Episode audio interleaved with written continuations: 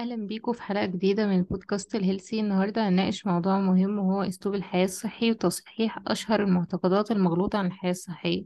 لأن بسبب كثرة الأفكار والمعلومات الغير دقيقة اللي بتتنشر حوالينا مهم نوضح الحقائق العلمية ونصحح المعتقدات المغلوطة دي.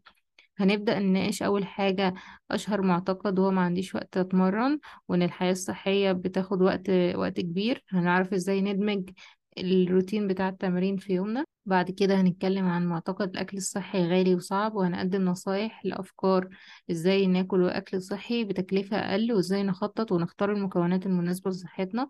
وهنستعرض كمان معتقد الرياضة بعد سن التلاتين مش مهمة وهنشرح أهميتها أصلا بعد سن التلاتين عشان تحافظ على القوة العضلية واللياقة وكمان الوقاية من الأمراض المزمنة. كمان هنتكلم عن معتقد التقليل الكبير في السعرات الحرارية هو الطريقة الوحيدة لفقدان الوزن وإزاي ده بيأثر على صحتنا بالسلب مش بالإيجاب. كمان هنخصص جزء من الحلقة لمعتقد تجنب كل الدهون في النظام الغذائي وإن إزاي الدهون دي حاجة وحشة والكلام ده كله هنصحح المفاهيم دي. وأخيرا هنناقش معتقد ممارسة الرياضة واتباع نظام غذائي صحي بياخد مننا مجهود كبير ومستمر. وهنقدم نصايح عن إزاي تعمل توازن وتستمتع بأسلوب حياة صحي بشكل مستمر بدل من إنك بس تشوفه مجهود لفترة مؤقتة. عشان كده خليكم معانا في الحلقة دي عشان تعرفوا الحقائق العلمية ونصحح أشهر المعتقدات المغلوطة عن الحياة الصحية. خلونا نعيش أسلوب حياة صحي بيستند للمعرفة أول معتقد شائع هو ما عنديش وقت أتمرن بعض الناس بيعتقدوا إن صعب في وسط يومهم المشغول يلاقوا وقت يتمرنوا فيه بس في أسباب كتير تخلينا نشوف الموضوع التمرين ده بعمق أكتر وإزاي ندمجه في يومنا. أول حاجة النشاط البدني المنتظم بيلعب دور كبير في صحتنا العامة وطبعا ليه فوائد كتير غنية عن التعريف زي اللياقة أحسن وزيادة قوة العضلات وتحسين قدرتك على التحمل تاني حاجة التمرين الرياضي بيحسن المزاج وبيقلل التوتر ودي حاجة بتحتاجها في وقت الضغط بتاعك أصلا وده لأن النشاط البدني بيعمل على إفراز هرمونات السعادة زي الإندروفين والسيروتونين اللي بيساهم في تحسين المزاج وتخفيف التوتر. تالت حاجة ممكن تدمج تمارين بسيطة في روتين يومك خلينا نبسط الأمور بدل ما نشوف إن التمرين ده حاجة صعبة مستحيلة وملهاش وقت ممكن نعتبرها جزء أساسي من حياتنا اليومية. يعني مثلا نبدأ بحاجات صغيرة الأنشطة البدنية القصيرة زي مثلا أنت عايز تمشي نص ساعة لا ابدأ بعشر دقايق. ابدأ استخدم السلم مكان أسانسير. مثلا في فترات الراحة اعمل استرتشات. كمان ممكن تدور على هوايات تستمتع بيها وانت بتعملها زي مثلا حد بيحب السباحة حد يحب ركوب العجل ممكن يستخدم الحاجات دي. مش لازم مش قاعدة الناس كلها لازم تنزل جيم مش قاعدة الناس كلها لازم تروح مكان معين عشان تمارس فيه الرياضة. لا في طرق كتيرة لممارسة الرياضة غير الطرق التقليدية أو الطرق اللي أكتر الناس بتتجه لها. ممكن كمان تثبت وقت يكون مخصص في اليوم للرياضة زي الصبح بدري أو بعد الشغل. ودايما نفتكر إن الهدف هو إننا نوازن بين الاستمتاع والنشاط البدني.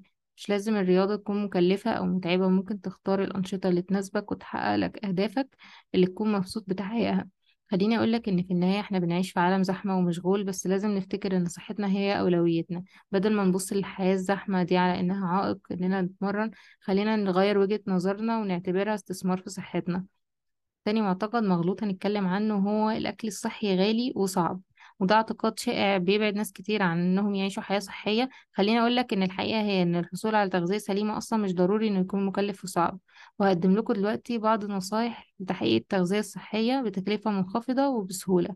أول حاجة التخطيط. التخطيط المسبق هو المفتاح. بمعنى إنك قبل ما تروح تشتري الأكل اعمل قائمة بالمكونات اللي هتحتاجها للوجبات دي وبجد عن تجربة شخصية الموضوع ده ناجح مية في المية. هيخليك ما تشتريش زيادة وهتلاقيك بمرور الشهور بقيت عارف انت بتاكل ببادجت كام في الشهر مش من غير أي تشتيت وضغط ومن غير ما تدفع كتير جدا بعشوائية وانت بتشتري الأكل الصحي بتاعك. تاني حاجة اختار المكونات الغذائية المناسبة والمتوفرة بسعر مناسب. مثلا مثلا الفواكه والخضروات الموسمية غالبا بتكون أوفر وبتحتوي على قيمة غذائية عالية. كمان تقدر تبدل أو تدمج بين البروتينات الغالية زي اللحوم الحمراء بخيارات أرخص زي البقوليات والبيض والسمك. تالت حاجة اتعلم الطبخ لأنه هيكون أوفر بكتير من لما تطلب أكل من مطعم. دور على وصفات صحية ومغذية. كمان ممكن في كتابي المجاني للوصفات الصحية هتلاقيني على إنستجرام وفيسبوك. هيساعدك لو ما عندكش وقت وبتحب تاكل صحي. خلينا متفقين إن التغذية السليمة هي استثمار في صحتك ومستقبلك. في الأول هيبان الاستثمار في أكلك الصحي مكلف بس على المدى الطويل هتاخد قدامها صحة قوية وتكاليف رعاية صحية أقل. ثالث معتقد شائع الرياضة بعد سن التلاتين مش مهمة. طبعا ده مفهوم خاطئ بل بالعكس ممارسة النشاط البدني بانتظام بعد سن التلاتين ليه فوائد مهمة للحفاظ على الصحة العامة والقوة العضلية واللياقة البدنية. أحد أهم الفوائد دي هو الحفاظ على القوة العضلية. زي ما إحنا عارفين مع إن مع التقدم في العمر العضلات بتتراجع بشكل طبيعي ولكن مع ممارسة مثلا تمارين القوة ممكن تساعد في الحفاظ على كتلة العضلات والقوة بشكل أكبر وده هيساعد في دعم الحركة اليومية وتحسين القدرة على القيام بالأنشطة الحركية وكمان هيحافظ على استقلالية الحركة. كل ما العمر اتقدم إن الواحد بيقعد أكتر مش بيتحرك أكتر ده يخلي حركتك أسهل ومش بتحتاج حد معاك. ده غير إن الرياضة هتحمي بشكل أكبر من الأمراض المزمنة لأن الرياضة هتساهم في تحسين وظائف القلب والأوعية الدموية وتنظيم مستويات السكر في الدم وكمان تقليل الضغط النفسي والتوتر. رابع معتقد شائع بين الناس التقليل الكبير في السعرات الحرارية هو الطريقة الوحيدة لفقدان الوزن. طبعا ده معتقد غير صحيح وممكن يضر صحتك خلينا نوضح إزاي. لما بنقلل السعرات الحرارية بشكل كبير ممكن يحصل فقدان في الوزن مؤقت بس الفقدان ده غالبا بيبقى مية وعضلات مش دهون. كمان خلينا عارفين إن الجسم بيعت- بيعتبر الجوع والأنظمة القاسية على إنها حالة تهديد وبيبدأ في تقليل معدل الإيض اللي هو حرقك عشان يحافظ على الطاقة. وده معناه إن الجسم يستهلك سعرات حرارية أقل عشان يؤدي وظائفه اليومية. يعني من الآخر أنت قللت حرقك رقم واحد. كمان التقليل الكبير في السعرات الحرارية بيؤدي لنقص المغذيات الأساسية في الجسم اللي بتحتاجها عشان تحافظ على صحتك. يعني ممكن تعاني من نقص فيتامينات ومعادن وده ممكن يأثر بالسلب على وظائف جسمك ومزاجك ونشاطك. افتكر دايما إن فقدان الوزن الصحي بيحتاج لوقت وصبر. خامس معتقد معانا بيقول اتجنب كل الدهون في النظام الغذائي وده مفهوم غلط جدا وعايزين نوضحه. مبدئيا الدهون بتلعب دور مهم جدا في صحة الجسم والتغذية السليمة. خليني أوضح لكم أكتر. في ثلاث أنواع من الدهون الموجودة في أكلنا دهون مشبعة ودهون غير مشبعة ودهون متحولة. تمام؟ الدهون المشبعة دي اللي هي من الآخر يعني موجودة في المنتجات مثلا الحيوانية زي اللحوم الدهنية ومنتجات الألبان كاملة الدسم. بس الكميات الكبيرة من الدهون المشبعة ده ممكن يرتبط بزيادة خطر الأمراض القلبية. إيه الكميات الكبيرة؟ لكن لازم بنحتاجها بنحتاج ندخلها. تاني نوع الدهون الغير مشبعة تشمل الدهون المفيدة للصحة زي الدهون الموجودة في زيت الزيتون الأفوكادو والمكسرات الدهون دي بتحتوي على الأحماض الدهنية الأساسية اللي بيحتاجها الجسم وبتساهم في صحة القلب والأوعية الدموية والجهاز العصبي والتوازن الهرموني. تالت نوع وهو الدهون المتحولة ودي الدهون اللي بتستخدم في كتير من المنتجات الصناعية زي ال fast food أو الوجبات السريعة والحلويات المصنعة. الاستهلاك من الدهون المتحولة دي ممكن يرتبط بزيادة خطر الأمراض القلبية والسكتة الدماغية. طيب بعد ما شرحنا أنواع الدهون خليني أقول لكم أهميتها للصحة. أول حاجة الدهون هي مصدر للطاقة كمان بتلعب دور مهم في امتصاص بعض الفيتامينات زي فيتامين A و D و E و K.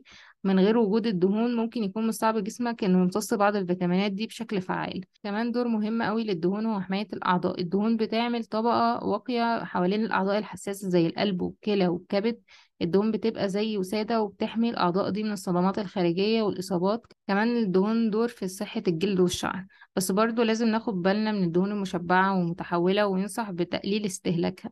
سادس وآخر معتقد معانا النهاردة هو ممارسة الرياضة واتباع نظام غذائي صحي بيحتاج مجهود كبير ومستمر وده حاجة ممكن تكون بتهبط ناس كتير نفسهم يغيروا أسلوب حياتهم وتحسينه وبرضه لازم نفهم إن الاستثمار في صحتنا بيستحق المجهود اللي بنبذله عشانها وهنا هقولك على شوية نصايح هتخليك تتغلب على المعتقد ده وتمتع بأسلوب حياة صحي بشكل مستمر استمتع بالرحلة واختار رياضة وأكلات صحية تحبها تخطيط والتنظيم التزم بنظام تمارين وأكل عشان تريح دماغك من الآخر من التفكير كل يوم هاكل إيه وهتمرن إيه التدريج والتحسين. ما تحاولش تغير كل حاجة مرة واحدة ابدأ بخطوات صغيرة وكبرها مع الوقت. شوف واقرأ حاجات تشجعك كل يوم تلتزم بالرياضة أو بالحياة الصحية وتابع ناس بتعمل ده عشان تتشجع أكتر.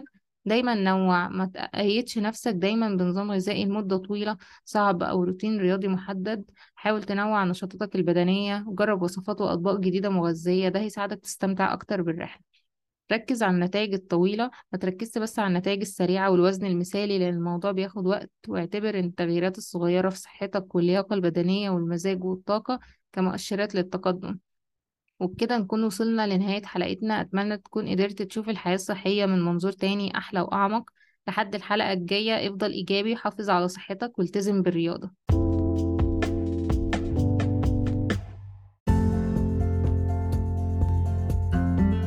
شكرا ليك على متابعة برنامج ال healthy. لو استمتعت بالحلقة ما تنساش تعمل follow وسيب comment وما تنساش تشارك البودكاست مع الناس اللي بتحبهم. واستنوا حلقة الجمعة الجاية.